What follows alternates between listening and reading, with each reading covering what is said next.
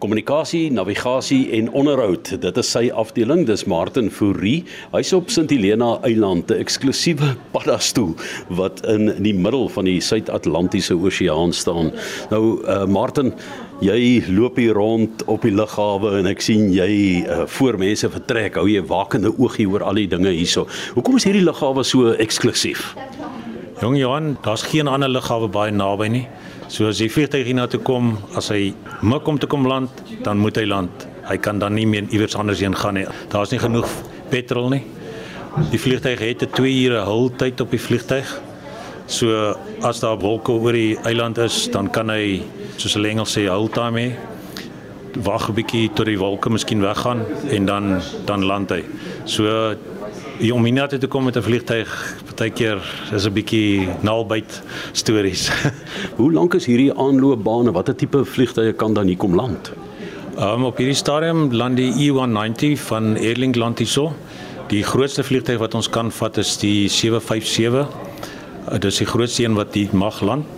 Die aanloopbaan is so 3 km, net so onder die 3 km, 2.7 daar rond kilometer lank. Dis kom ons net tot by 757 vliegtye kan vat hier op die lughawe. Wat is jou betrokkeheid by die uh, lughawe um, van die bouproses af destyds kon jy ook kyk hoe hierdie aanloopbaan ontwikkel? Ja, Johan. Ek is bevoorreg gewees om ge- gevra te wees deur Thales om die, die navigasiestelsels te kan installeer. So ons het uitgekom, die navigasiestelsels in, ingesit. Dis nou die landingsstelsel, die kompas, elektroniese kompas wat die vliegtuig gebruik, die radio's, die ehm um, kommunikasiestelsels tussen hierdie containers, soos hulle sê. Dit was in 2015 en toe daarna het ons elke 6 maande het hulle vir my gevra om in te kom om te kom kyk of die stelsels nog reg werk. Dit was deel van die kontrak. En toe op die einde van die dag het hulle vir my die werk aangebied om hierdie stelsels te onderhou, te kyk na hulle werk en dan wat bygekom het is ook die maintenance agter die lughawe al die goeders wat breek, ligte, enige ding wat elektronies is is my verantwoordelikheid op die lughawe. En wanneer iets breek, is dit nie so maklik nie want ek meen die voorraad is ver en dit moet beplan word. Vertel ons van die eilandlewe. Eilandlewe is baie gemaklik. Ek glo in my kar sien vyfde rad baie nie. Net so miskien so nou en dan. Op die eiland, soos jy sê, om goedjies in die hande te kry, al is dit 'n klein skroefie, as hou nie bietjie meer beplanning het, goedjies wat jy gereeld gebruik of soos ons nou met die 7 jaar wat ek al hier is agtergekom het mens kom agter okay jy gebruik hierdie tipe skroefies hier oral so dan koop jy daai bietjie meer van en ek het ook agtergekom geen genormale skroefies nie. Ons koop alles stainless steel deesdae. Ons het die hele dorp se babaolie gekoop want ons smeer tot babaolie aan die stainless steel uitrusting laat hulle nie roes nie tot stainless steel het hier begin so bruin skynsel kry dan lyk dit baie aklig so nou om die stainless steel reg te hou dan sit ons babaolie op Sit Helena het altyd iets om te bied, iets opwindends, iets wat gebeur. Iemand besoek dit en um, terwyl ons saam met Lifted Journey gekuier het hier in St Helena op die eiland, het ons saam met Prins Edward ook gekuier en ek het die hoof van toerisme van St Helena, Matt Joshua gevra hoekom hy hier was.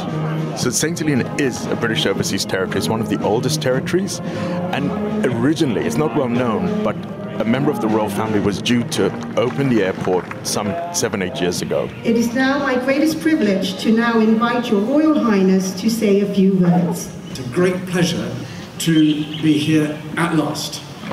It's taken far too long for me to be able to get to, uh, to St. Helena. As you can imagine, I've heard a great deal about this island from all sorts of different people, including my family. As you mentioned, I, various members of my family um, have, have been here.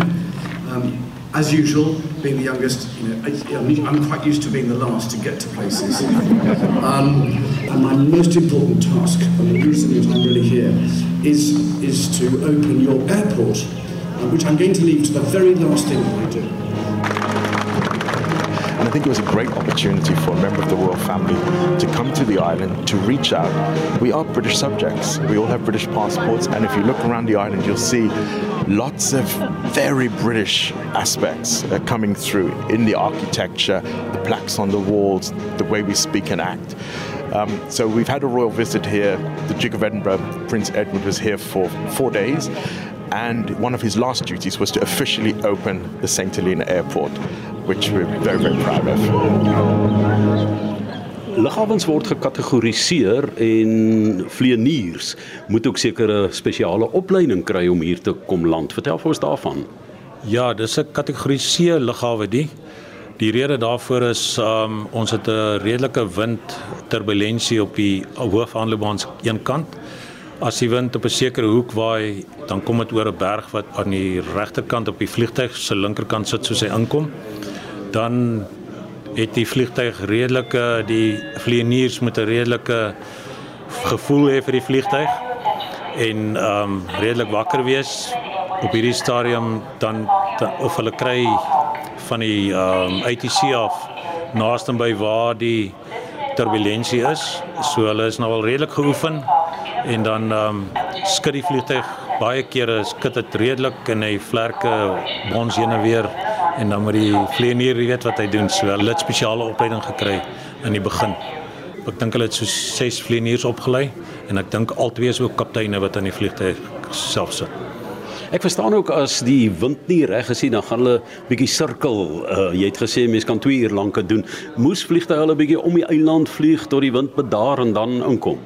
Ja, daar was al 'n paar gevalle daarvan. Hulle sirkel nie om die eiland nie, want omdat ons 'n paar hoë berge hier op die eiland het, is dit redelik gevaarlik as daar mis en wolke is dat hulle moontlik aan die bergkant kan vasvlieg of so iets. So hulle het 'n spesifieke holding point wat hulle noem op die lughawe noordoos van die lughawe.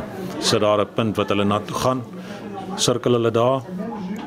Hou hulle daar vas totdat daar breek in die wolke is en dan kom hulle in.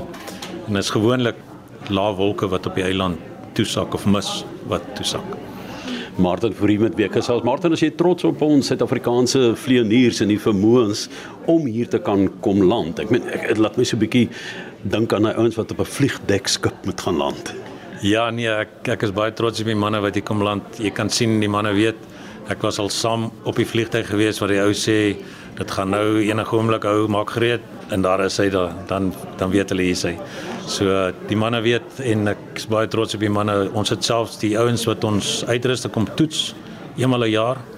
Hulle kom ook van Suid-Afrika af. Die toetsingenieur wat hy kom van Engeland af. Hy put, sit al sy vliegtyg of sy uitrusting waarmee hy toets in die vliegtyg wat op Lanseria is. Dan kom die manne uit hier na ons toe. Ook twee vlieëniers van Suid-Afrika. Hulle doen hulle toetse, vlieg hier rond, toets al ons uitrusting vir akkuraatheid. En dan so is ook vlieëniers wat weet Suid-Afrikaanse manne. Jy's 'n Suid-Afrikaanse man uh, hier tussen die saints soos hulle hulle self noem. Hoe bou jy jou uh, kultuur? Jy sal my nie glo nie, ons luister RSG. My vrou is luister elke dag na RSG, sy geniet dit vreeslik. Ek luister so nou en dan hier by die werk het ons um, ons local stasies, maar ek luister self ook RSG. Ons geniet dit. So en dan praat mense mos maar met jou mede vriende wat op die eiland is, is 'n hele paar Suid-Afrikaners hier op die eiland en dan soos ek sê ek gooi maar die Afrikaans jong. jy weet met um, die Valentyns maand wat so om ons hang, mag jy nou vir jou vrou 'n boodskapie stuur. Wat is haar naam? My vrou se naam is Belinda. Sy bly in Centurion. En ek wil net vir haar stuur. Ek's baie lief vir jou, vroutjie. Geniet dit daar aan die kant in Suid-Afrika. Ek is een van die dae daar. Baie dankie Johan.